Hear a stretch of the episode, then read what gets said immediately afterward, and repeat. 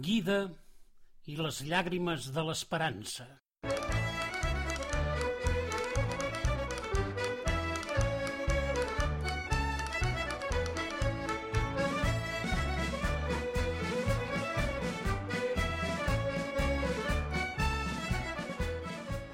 Els lladrucs de la fura van despertar tot el veïnat. Uau, uau, uau, uau, uau, uau. Semblava que anunciés alguna cosa, o potser el que només volia era sortir a fora. Per la finestra de l'habitació entrava la claror de la lluna rodona i blanca. Era una habitació molt bonica, feta de nou, com aquell qui diu, i a punt d'estrenar. La Mariona i l'Albert havien tingut cura de decorar-la amb tota mena de detalls i pintar-la amb els colors més bonics perquè la seva filla s'hi trobés d'allò més bé. Hi havia un bressol, una calaixera i una cadira de raspaller inclinat amb el cul de vímet i un coixí farcit d'espígol i dibuixos que temps ha havia brodat l'àvia Rosa. També hi havia campanetes que drincaven i un mòbil de miralls que feia llunetes a la paret i al traspol. La fura seguia bordant i no hi havia manera de fer-la callar. Així és que van decidir-se a treure-la a passejar.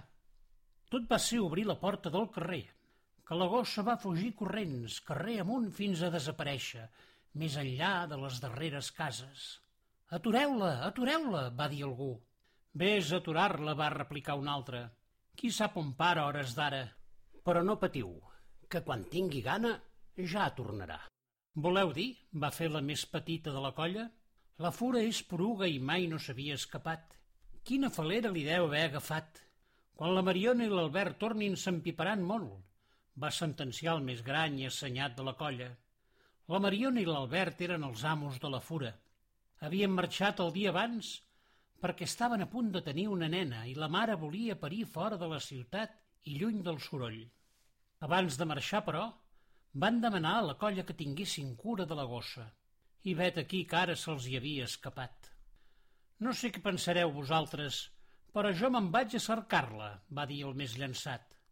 Tots van secundar aquella proposta i en un tres i no res tingueren tot preparat per marxar. Els pares i mares, tiets i tietes, padrins i padrines, van decidir quedar-se per si la fura tornava o per si la Mariona i l'Albert trucaven per dir que ja eren pares. No van faltar les recomanacions, és clar. Potser el més probable és que la fura hagi seguit el rastre dels seus amos, va dir un. Doncs li serà difícil, va dir un altre. Hi ha tantes olors a la ciutat i tant de fum que ni el perdiguer més afamat se'n sortiria. Primer aneu a la gossera. No fos cas que l'haguessin enxampat, va dir un tercer. I després aneu a les cases dels amics amb gossos. Qui sap, potser cerca companyia, no us sembla? La colla, però, ja tenia els seus plans, o la seva estratègia de recerca, així és que no van opinar sobre els suggeriments dels més grans, o que potser es pensaven que no eren prou espavilats. Així és que després de les recomanacions s'acomiadaren tot marxant pel mateix camí per on havia fugit la fura. Alhora que tot això passava i lluny d'allí, l'Albert contemplava amb els ulls esbatanats com la Mariona paria la seva filla. Tot era encalmat Només es sentia el murmuri de l'aigua i la veu tendra de la llevadora que li donava els millors consells per a parir. Amb la nena en braços, la mare recuperava les forces mentre el pare seguia proposant noms per la nena. Encara no l'havien decidit tot pensant que en veure-la els hi vindria de borsada. De cop i volta, però, una llum molt blanca va entrar per la finestra precedint una vella donzella de llarga cavallera rossa.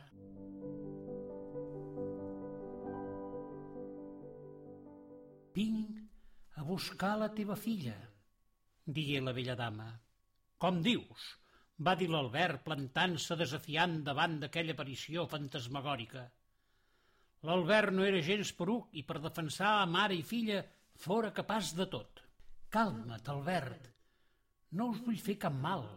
Cal que vessi les seves llàgrimes sobre el remolí de la desesperança.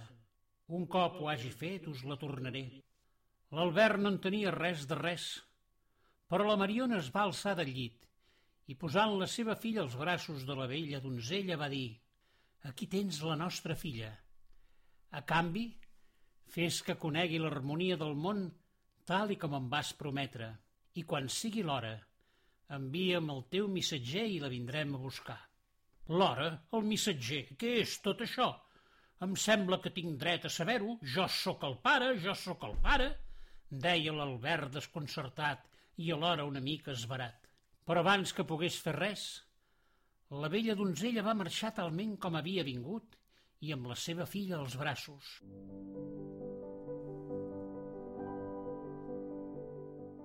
I de res no van servir els crits i escrafalls de l'Albert.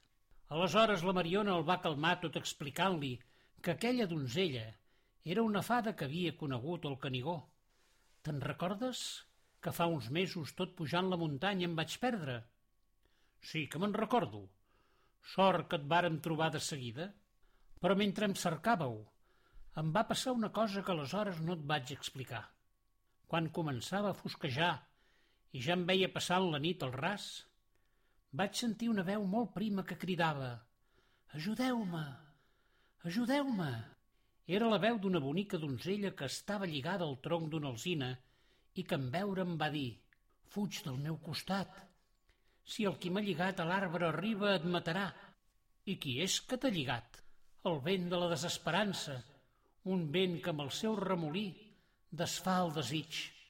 I no hi ha manera d'aturar aquest vent? Solament el plor d'un nou nat vessat damunt el seu remolí el pot aturar. Un nou nat? Jo he de tenir una filla, o un fill, encara no ho sé. Serà una filla, pots estar-ne segura. I si vols, ella pot aturar el remolí de la desesperança. Jo, a canvi, li donaré l'harmonia del món. Què és això? El do de saber escoltar i saber entendre, el do d'estimar i de donar, el do de destriar, el do del coneixement, el do de l'ànima pura. I com és que no l'has fet abans, aquest encanteri? Quina mare està disposada a deixar el seu fill així que neixi? Només ho pot fer aquella que cregui en les fades. I per què un nat i les seves llàgrimes? Sempre que neix un infant, en ell es diposita un munt d'esperança. Per això les seves primeres llàgrimes, que són les més pures, són l'elixir que pot desfer el remolí de la desesperança. Jo crec en les fades i crec en el món que tu habites. Quan tingui la meva filla podràs emportar-te-la i a canvi li donaràs el do de l'harmonia del món. Gràcies, moltes gràcies. Quan sigui l'hora, t'enviaré un missatger perquè la vinguis a buscar. Ara, encén el meu vestit perquè em pugui deslliurar. Vaig fer el que em va dir i tot d'una el seu vestit i l'alzina es van encendre com una teia resplendent que va desaparèixer deixant només uns pilonets de cendra i una fumarola fosforescent. Aquella fosforescència va ser la que us va guiar fins a mi. Quan em vàreu trobar, jo ja havia replegat aquelles cendres dins del meu mocador. El cor em deia que potser tard o d'hora les hauria de menester. Aleshores la Mariona li va mostrar les cendres a l'Albert i lluny del que us podeu pensar, eren bocins de cristall de tots colors que brillaven molt. I què els hi direm als pares? El mateix que t'he explicat a tu, va dir la Mariona. Per què ho he d'amagar? I com ho podem amagar? Qui ho vulgui, que ho cregui. No van trigar a comprovar que aquella explicació no satisfeia tothom. Uns deien que volia amagar la filla, d'altres que potser el part no havia anat bé i la nena s'havia mort. Els més malpensats van dir que la Mariona s'havia trastocat. Els que se l'estimaven, però, la van creure i decidiren esperar que la fada els enviés el missatger. Per altra banda, una nova preocupació s'havia afegit a tot aquell embarbussament de fets inesperats. La colla que havia marxat per a cercar la fura no donava senyals de vida. Tots estaven intranquils què dic intranquils? Preocupats i molt preocupats, fins i tot desesperats. La Mariona, però, no ho estava gens ni mica. Dins seu, una veueta li deia que la colla i la seva gosseta estaven bé i que ben aviat es trobarien.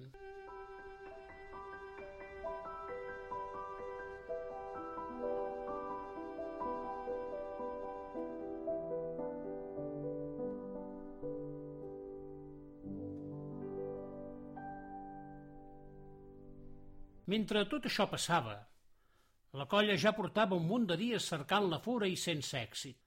El rastre els havia dut just al peu de la muntanya del Canigó, però aquest es perdia dins un bosc frondós del qual no encertaven a sortir. Tots els camins que feien els duien sempre al mateix lloc.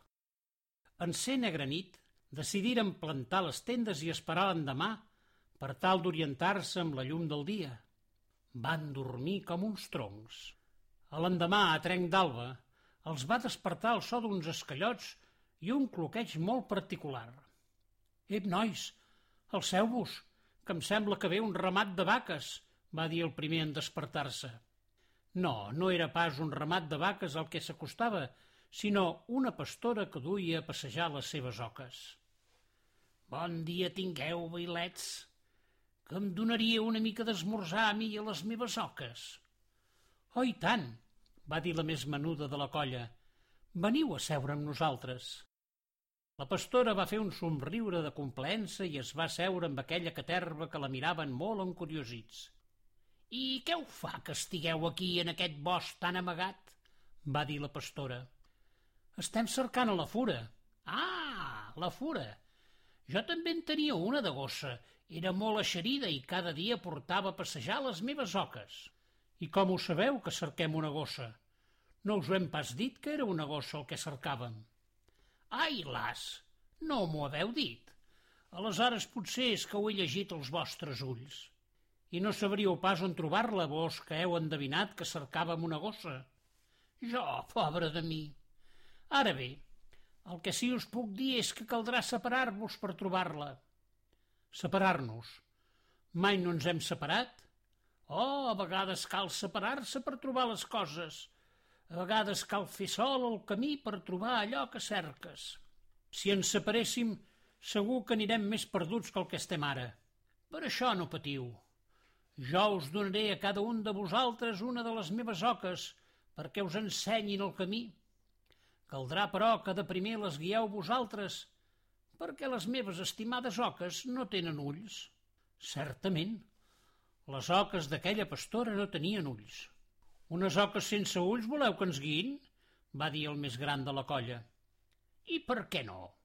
Elles us duran al seu damunt i vosaltres les guiareu. Si trobeu allò que cerqueu, les meves oques recuperaran els ulls i en agraïment seran elles que us duran a un vell lloc on de nou us trobareu tots plegats.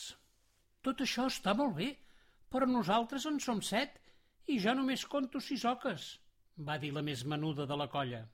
Aleshores, afegí la pastora, tu, la més petita de tots, hauràs de fer el camí a peu. De cap manera. No la deixarem pas sola, digueren tots alhora. No heu de témer res. A ella se li té reservada una feina molt important i cal que així sigui. Si creieu en mi, no heu de passar ànsia. La colla va deliberar per uns instants i en acabat decidiren fer cas a la pastora. Així és que poc abans que el sol despuntés darrere la carena, cada un dels sis ja tenia assignada una oca amb llur brida. I cavalcaren al seu damunt i el crit de la pastora remuntaren el vol. Sus, oques, sus!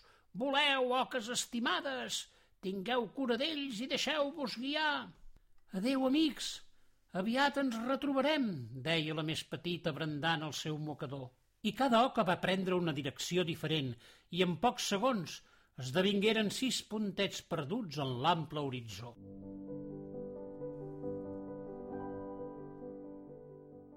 I ara tu, va dir la pastora, pren aquest fanalet i vés a cercar la flama del Canigó la seva llum t'indicarà el camí. I per si de casa et trobessis amb el remolí del vent de la desesperança, pren el meu gaiato. Veuràs com t'ajudarà a aturar-lo. Tot va ser dir les darreres paraules que la pastora desaparegué davant dels ulls esturats de la més menuda. I què us penseu? Que li va agafar por? No, res d'això. Ben al contrari, era decidida com cap altra aquella noieta rossa i d'ulls clars. Apa, som-hi, va dir tot decidida. Si he de cercar aquesta flama del Canigó, cal que m'enfili muntanya amunt. I així ho va fer. La més menuda va trigar tot el dia fins a arribar al cap damunt, però en ser-hi no va trobar rastre d'aquella flama. Cansada i assedegada, va decidir fer una aturada. Però de sobte... Bup, bup, bup, bup, bup, bup. Eren els lladrucs d'un gos. I de poc s'equivocaria, però d'un gos qualsevol no, sinó que li semblaven i molt els de la fura. La més menuda va anar a trobar-la seguint els seus lladrucs. I què me'n direu? I tant que la va trobar. La fura era lligada al peu d'una alzina i al seu damunt, us ho podeu imaginar? El remolí del vent de la desesperança l'escridassava. Vols callar, gossa del dimoni? Qui et manava de venir? No és pas a tu que volia lligar aquesta alzina, sinó a la teva mestressa. Però tant se val, et retindré aquí fins que ella vingui a buscar-te. Vols deixar en pau a la fura, mal vent? va cridar la noieta de cabells rossos i ulls clars. Aquesta gossa és meva i ara mateix me l'enduré. Ah, sí? Un amarrec com tu i com tu faràs. Així. Aleshores va agafar el gaiato de la pastora i el va llançar amb tant d'encert que clavà la cua d'aquell mal remolí a l'alzina. Tot seguit va desfermar la gossa i cames perquè us vi, ella i la fura començaren a davallar la muntanya.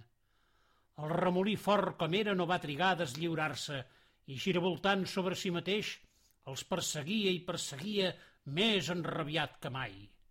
Mocosa descreguda, de mi no se'n burla ningú, t'agafaré i et faré xixina. La cursa era cada cop més desigual i la pobra menuda i la gossa ja es veien a les urpes del remolí del vent de la desesperança. Afortunadament, però, van trobar un forat enmig de les roques i es van amagar. Allò sí que va despistar el remolí. No les trobava per enlloc, però tampoc no se n'anava. Així és que la noia rossa i d'ulls clars i la fura poc que podien sortir. I ara què fem? Bup, bup, bup, va dir la gossa. Què tens, fura? Guaita, sembla que la cova s'endinsa. Potser trobarem una altra sortida. Però no tinc cap llanterna. En la fugida he perdut la motxilla. bup, bup, bup. Va tornar a fer la gosseta. Semblava que havia vist alguna cosa. I era cert. Més enllà, cova endins, una llumeta tremolosa semblava que els digués «Veniu, veniu». Decidida com era, no va trigar a ser-hi. I heu de saber que allí dins s'hi estava un ancià, un vell ancià, assegut davant d'una taula i rodejat de llibres i lligats empolsegats i a l'escalf d'una llum resplendent que sortia d'un petit llantió. Tenia els cabells llargs i canosos i escrivia en un gros llibre amb una ploma d'ànec i de tant en tant feia servir la seva barba de paper secant. Benvinguts siau, passeu, passeu. Espereu un segon que acabo de notar les darreres xifres. Aleshores, i amb molta parsimònia, va sucar la ploma d'ànec al tinter i va fer dues ratlles al costat d'unes altres que ja eren dibuixades sota d'un nom il·legible. Qui sou i què feu? Va dir la noieta de cabells rossos i ulls clars. Sóc el notari del món i compto els arbres que es moren. Ho veus? Aquest és el llibre d'arbres. I aquell altre, el llibre dels llacs. I el de més amunt, el llibre dels rius i el de més allà, el llibre de les flors. Darrere meu hi ha els llibres dels animals i a l'altra cambra... Caram, caram, caram! va interrompre la més menuda. Són molts llibres, això. I a cada un d'ells anoteu coses? En faig un senyal. Quan mor un arbre, faig un senyal en aquest llibre quan mor un ocell, el llibre dels ocells, i també el dels rius i els llacs i en tots. Tot allò que té vida i dóna vida a la terra, quan mor, ho enregistro en aquests llibres. Quina feinada! sobretot aquest any que hi ha hagut un munt d'incendis i molta sequera. Tens raó. Sàpigues, però, que part de les morts que anoto en el llibre són naturals, però n'hi ha moltes que són causades per la barroeria de l'home. Potser tu em podries ajudar. I com voleu que us ajudi? Emporta't un xic de la meva llum, d'aquesta llum que m'il·lumina. Qui amb aquesta llum s'il·lumina tindrà el neguit de vetllar per les coses vives del món. Què és la flama del Canigó? La mateixa. Pren-ne una mica i ell et guiarà pel bon camí. I l'ancià es va arrencar un floc de cabells de la seva barba i el va encendre per posar llum a la llàntia de la noia rossa i ulls clars. Aleshores, la més menuda de la colla i la fura s'acomiadaren del notari del món i s'endinsaren per la cova il·luminats per la llum del fanaler i caminaren, caminaren i caminaren, tots cercant una sortida.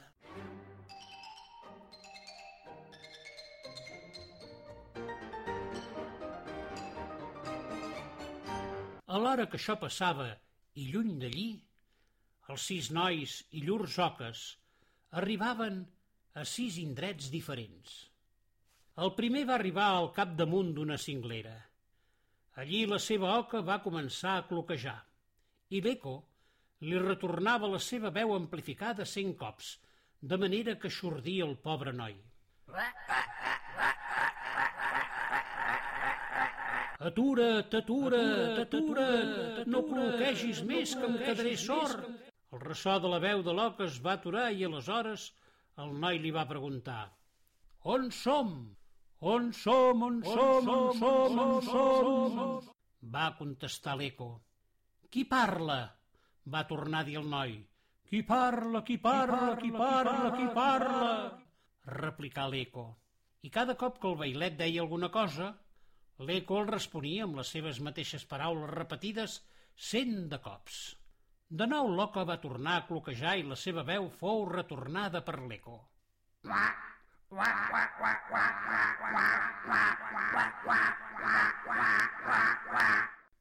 Aleshores el noi va tancar els ulls per concentrar-se en aquells sons que la cinglera retornava i procurar que la seva oïda els destriés. De primer li semblaven tots iguals, però a poc a poc els va començar a distingir. Eren refilets d'ocells de diferent mena. N'hi havia de rossinyols, de pinçars, de puputs, de merles, de mallarengues, d'òlives, centenars d'ocells que refilaven i cridaven.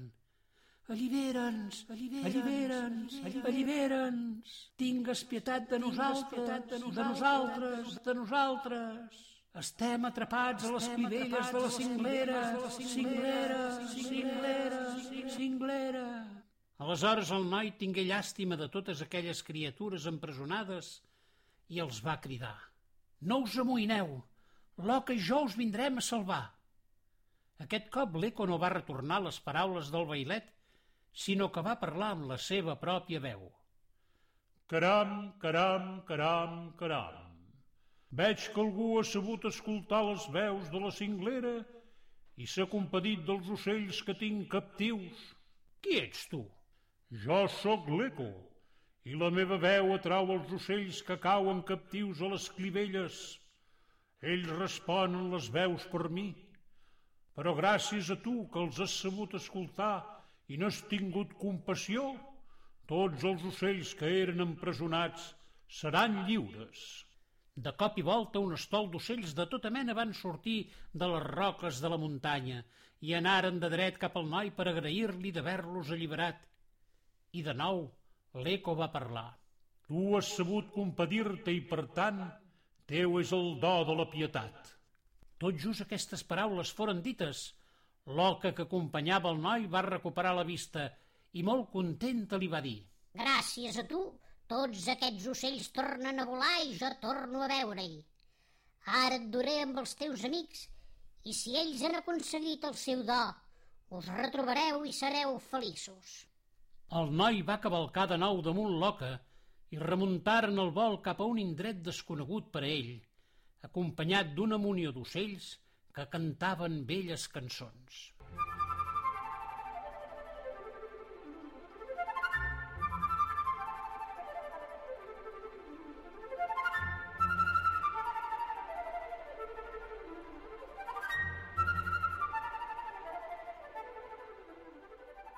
En un altre racó de món, una de les noies de la colla i la seva oca van anar a aterrar a un vell palau.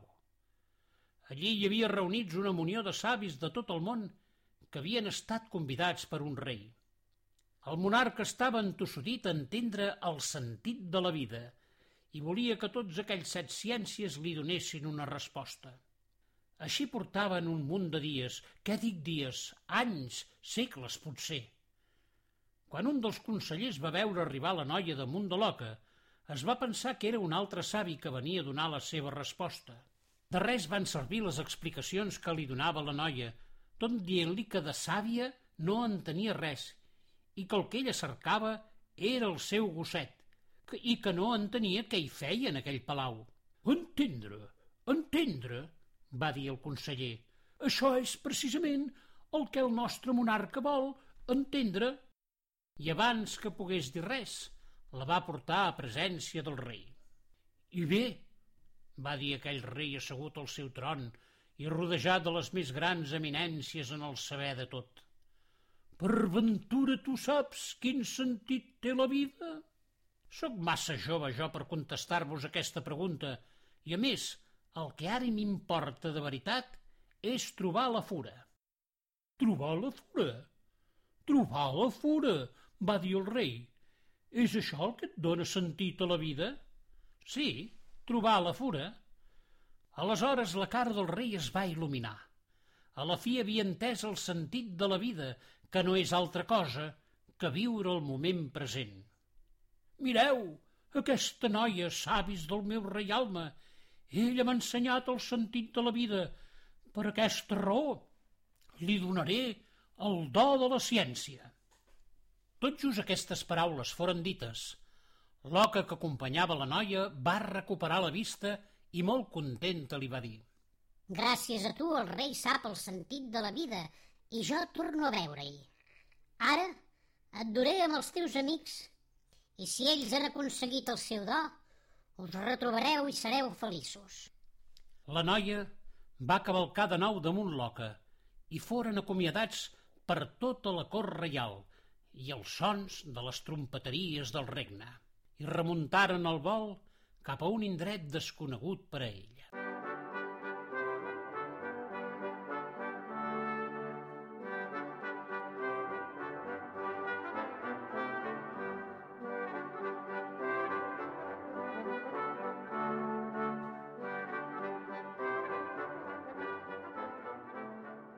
En un altre indret, una tercera oca amb un dels nois de la colla al damunt intentaven de travessar una tempesta desfermada per les forces de la natura. L'oca no s'hi veia i només feia que cridar. Griem lluny de la tempesta, si no morirem plegats. El nostre camí és aquest i no pas altre, deia el noi. Més enllà de la tempesta veig la llum del sol que ens espera. Aleshores, agafa't fort i esperem sortir-nos-en.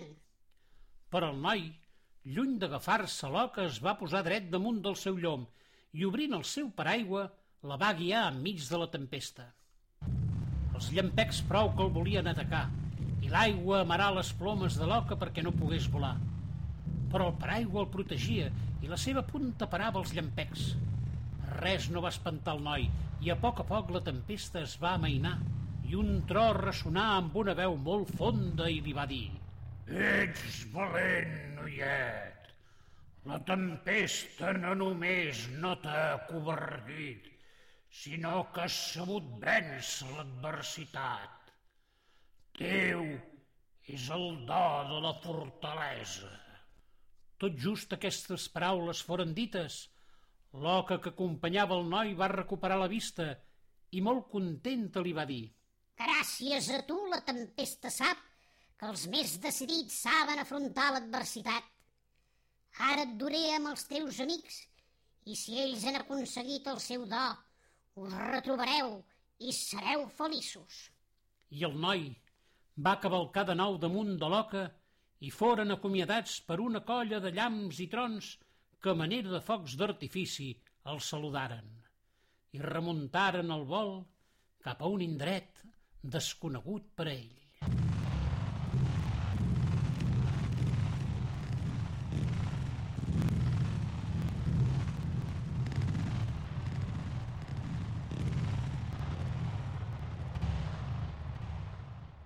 Mentrestant, la quarta oca amb una de les noies de la colla al seu damunt havien aterrat per recuperar forces. Estaven a la vora d'un petit llac i bevien de la seva aigua. De cop i volta, el llac els va parlar. Oh, amigues, per què us beveu la meva aigua? Per ventura heu vist un rierol que em nodreixi? Si tots els que passen per aquí es veuen la meva aigua, aviat m'assecaré. I doncs, va dir la noia, d'on treus l'aigua que ara tens? De la pluja, però ja fa set anys que no plou. Fins allí on arriben els vostres ulls tot era un llac, però gran part de l'aigua se l'ha emportat el sol, perquè el senyor de les tempestes faci de les seves. Ara només queda aquest petit baciol i quan no hi hagi aigua moriré irremeiablement. Sí que em sap greu, però mira, allí a les muntanyes hi ha neu. Podríem fer un sol que la terra perquè l'aigua t'arribi i et pugui nodrir quan la neu es fongui. Just en aquell moment arribava una caravana de beduïns amb llurs camells. Venien assedegats i la noia els va barrar el pas tot dient-los que no podien beure aigua del baciol, que si ho feien el llac es moriria. Baciol? Llac? Aquí no hi ha res d'això. Deus veure un miratge? Deixa'ns passar, que portem pressa. Si vols aigua, aquí tens una vareta de saurí.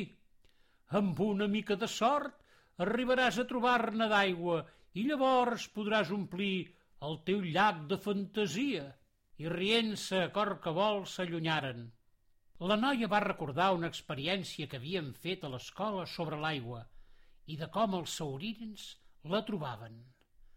Resolta va decidir buscar-ne, tot fent servir la vareta, però aquesta no feia sinó assenyalar les muntanyes. Aleshores, no sé ben bé com, la vareta es va fer més i més gran i va agafar la forma d'una arada.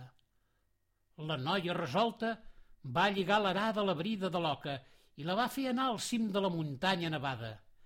Allí va començar a llaurar un solc que va arribar just al llac. I a mida que llaurava el solc, la neu fosa anava al seu darrere fent drecera fins a arribar al llac. I en poc més d'unes hores, el llac es va començar a eixamplar i fer-se més i més gran. Aleshores el llac va tornar a parlar. El teu coneixement m'ha dut l'aigua, perquè vas estar atenta a tot allò que un dia et van explicar. Ara tu has fet el possible que jo em recuperi i tingui un riu que m'alimenti. Teu és el do de la saviesa, fes-lo servir amb seny i generositat. Tot just aquestes paraules foren dites, l'oca que acompanyava la noia va recuperar la vista i molt contenta li va dir Gràcies a tu el Baciol torna a ser un llac i el riu li donarà vida, com vida dona la seva riba. Ara et duré amb els teus amics i si ells han aconseguit el seu do, us retrobareu i sereu feliços. I la noia va cavalcar de nou damunt l'oca i foren acomiadats pel llac, tot regalant als seus ulls unes imatges de les muntanyes que l'envoltaven reflectides a les seves aigües, i remuntaren el vol cap a un indret desconegut per a ella.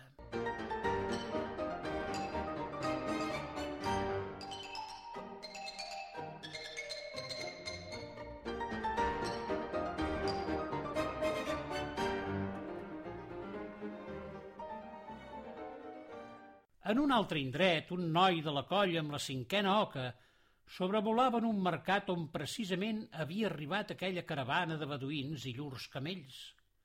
El noi va dirigir l'oc cap a aquell indret. Mai havia vist un mercat com aquell.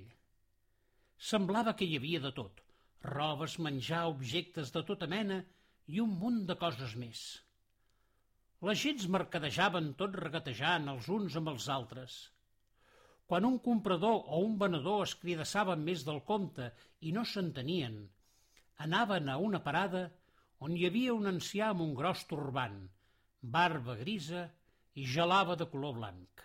L'ancià aleshores escoltava els arguments de l'un i de l'altre i els donava un bon consell. Si els dos homes o dones, que tant era, acceptaven el consell, la gelava es tornava de color turquesa. Si per contra seguien sense venir-se, aleshores la gelava es tornava de color vermell i la discussió seguia.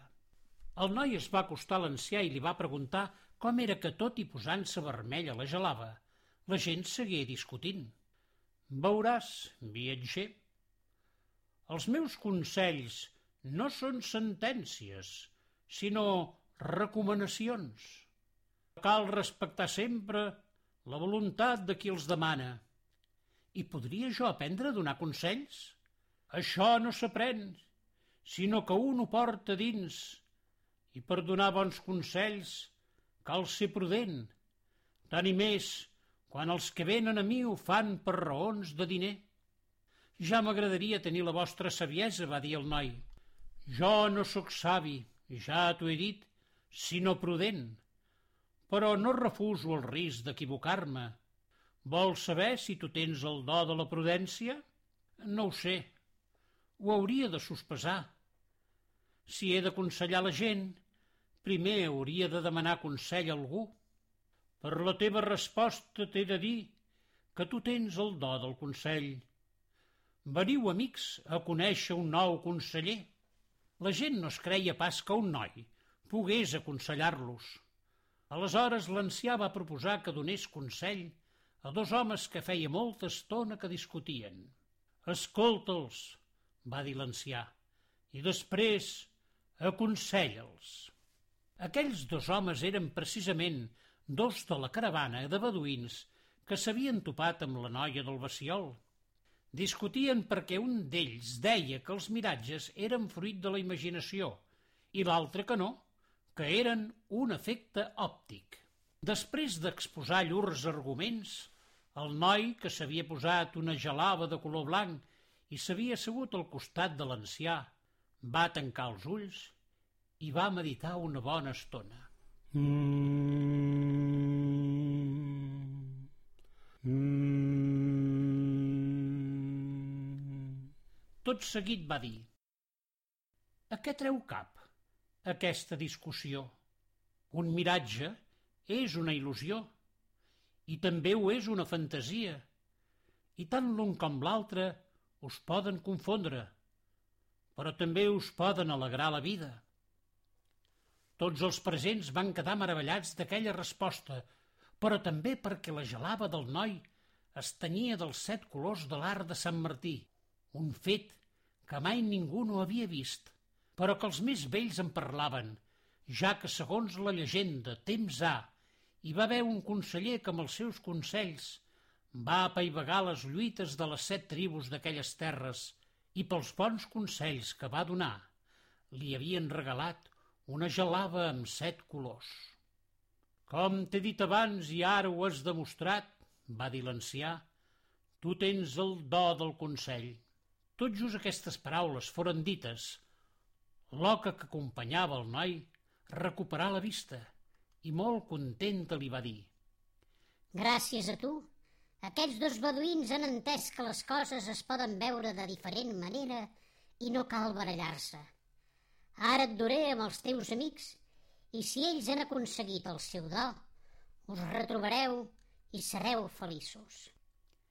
I el noi va cavalcar de nou damunt de l'oca, no sense abans acomiadar-se de l'ancià i aquest li va regalar un mocador de color blau d'aquells que porten els tuarecs del desert. Tot seguit, remuntaren el vol cap a un indret desconegut per a ell.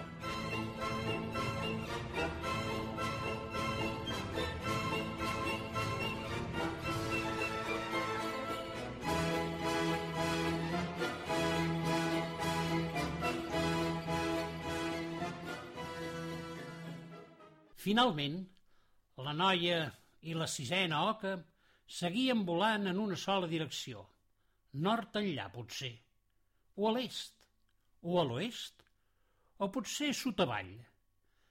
De fet, i com se sol dir, havien perdut el nord, i el que passava és que anaven fent giragonses sense tenir massa clar per on tirar. Cansada i sense rumb, l'oca es va aturar al cim d'una muntanya d'on es veien els quatre punts cardinals, que ara era la muntanya més alta del món. I bé, caldrà saber cap on tirem, que si no ho sabem, mai arribarem en lloc. I dit això es va dormir de tan cansada que estava. La noia no feia sinó barrinar cap on tirar, i allí, asseguda al cim més alt de la terra, es va posar a observar-ho tot. Vaja, vaja, veig que estàs una mica perduda, noieta, va dir una vella trementinaire que per allí passava. Les trementinaires són remeieres que busquen herbes per les muntanyes per guarir les persones. Doncs bé, aquella trementinaire era la més vella del món i l'única que havia arribat al cim més alt tot cercant herbes. Què hi feu aquí? va preguntar la noia. Potser t'ho hauria de preguntar jo. Aquesta oca que t'acompanya la conec. Per tant, sé que estàs en una missió. Suposo que sí, va respondre la noia. Però tota missió ha de tenir un rumb, i jo l'he perdut. Potser és perquè no t'has aturat a comprendre les coses. Té, agafa aquestes ulleres i observa. Potser així sabràs orientar-te. Però alerta, perquè si no tens el do innat de l'enteniment, poc que et serviran aquestes ulleres que més aviat et marejaran, faràs tantines i cauràs des del cim fins avall ben avall. La noia no va dubtar ni un moment i es va posar les ulleres, i tot seguit va veure per on sortia el sol, i per on es ponia, per on sortia la lluna i per on es ponia.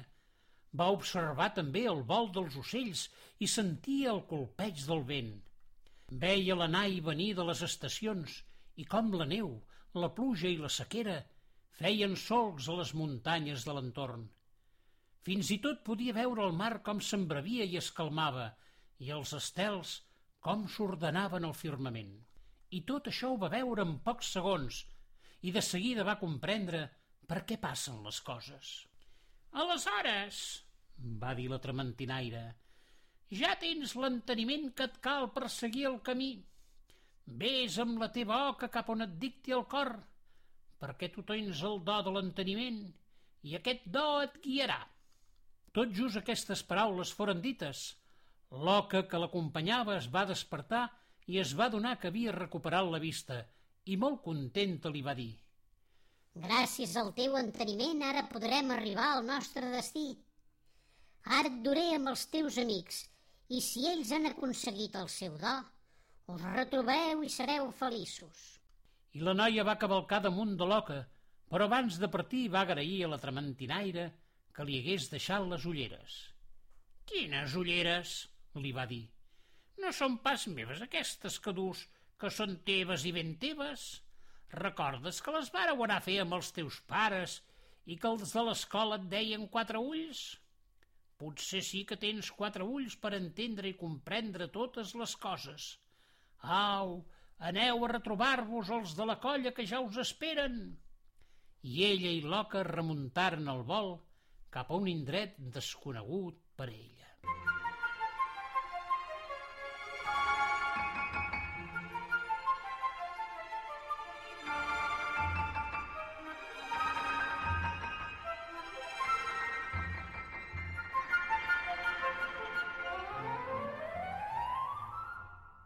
Ara, però, cal tornar amb la més menuda de la colla, la que s'havia trobat amb el notari del món i que seguia caminant i caminant per un laberint enrevessat, tot cercant una sortida. A la fi van veure el cel blau al final d'un passadís i heu de creure que en sortir es van trobar que eren al bosquet on solien anar a berenar amb la colla les tardes d'estiu. Aleshores la fura va arrencar a córrer per tornar a casa seva i la més menuda de la colla la seguia tan de pressa com podia. Podeu comptar l'alegria dels familiars i amics quan les van veure arribar. Tot eren plors i abraçades, però de seguida van començar les preguntes per saber on eren els altres. I la més menuda de la colla no feia sinó explicar-los-hi tot el que els hi havia passat, però no se la van creure massa i ja començaven a perdre l'esperança de retrobar-los. De cop i volta, la fura es va posar a bordar de la mateixa manera que ho havia fet quan es va escapar. Quin atabalament! Bordava i bordava amb un desfici. Era com si digués, seguiu-me, seguiu-me. Tots la volien fer callar. Però la Mariona va dir, és el missatger que m'envia la fada. Ara ho entenc. La fura vol que la seguim. Seguim-la. No hi va haver preparatius. Tots els parents i amics que havien fet costat a la Mariona van seguir a la fura fins al peu d'una muntanya anomenada la Mola i d'allà començaren a pujar amb tanta pressa que en poc menys de mitja hora ja eren al cap damunt. Un cop a dalt, però, res feia sospitar que aquell fos el lloc escollit per la donzella per tornar-los i la filla. Es sentia, això sí, el murmuri del vent, un vent gelat que a poc a poc els embolcallava. Era el remolí del vent de la desesperança, que s'acostava disposat a xuclar-los. Tornem a trobar-nos, noia descarada. Tu que vas gosar foradar-me la cua, ara sabràs com les gasto. La més petita de la colla, lluny d'espantar-se, li va plantar cara i al seu costat la Mariona. Vaja, vaja, veig que tens companyia. Suposo que aquesta altra deu ser la que va deslligar la meva presonera allà al Canigó. Ara tots vosaltres sereu els meus presoners, i fins que no trobi la fada de l'esperança i la pugui tornar a lligar a l'alzina del desesper, restareu per sempre dins el meu remolí. Ves-te'n d'aquí, ben malèfic, i deixa'm recuperar la meva filla, va dir la Mariona tot plantant-li cara. Però el remolí del vent de la desesperança va començar a giravoltar amb fúria per xuclar-los. Tots els que allí eren s'agafaven de les mans els uns amb els altres per fer més força i plantar-li cara. Els més lleugers de pes, però, s'enlairaven xuclats pel remolí i tot feia pensar que ben aviat quedarien empresonat dins la turbulència. Aleshores la Mariona va tenir la pensada de fer servir les cendres del Canigó. Així és que va desplegar el mocador on les tenia desades i aquells cristalls brillants van començar a enlairar-se cap al remolí. I heu de creure i pensar i pensar i creure que d'aquells cristalls en va sortir de nou la vella donzella que havia vingut a emportar-se la seva filla. Resplendia per tot, i tot i que flotava enmig del remolí de la desesperança, aquest res li feia. El seu vestit de seda voleiava així com la seva llarga cavallera rossa. En els seus braços s'arraulia la filla de la Mariona i l'Albert, que semblava ben adormida. Aleshores la fada s'enlairà per damunt del remolí i tot despertant la nena li va demanar que plorés un xic. I així ho va fer. I les llàgrimes vessades esdevingueren una pluja fina, molt fina i celebrosa, que paivagà tot d'una el remolí del vent de la desesperança, fins a convertir-lo en una brisa suau que s'allunyà nord enllà. Després, Tothom va poder veure la fada suspesa en l'aire i amb la nena en braços. I la fada va dir, aquí teniu de nou la vostra filla, Mariona i Albert. Gràcies a ella ens hem lliurat del vent de la desesperança. En aquest flascó hi ha les seves primeres llàgrimes. Guardeu-les i feu-les servir si mai perdeu la il·lusió de viure. Digue'm, fada, com et dius? va preguntar la Mariona. Jo sóc Guida, la fada de l'esperança. I si et plau el meu nom, també pot ser el de la teva filla. Ara pren-la entre els teus braços i vell el seu son. I els meus amics? Què se n'ha fet dels nostres amics? va preguntar també la més menuda de la colla.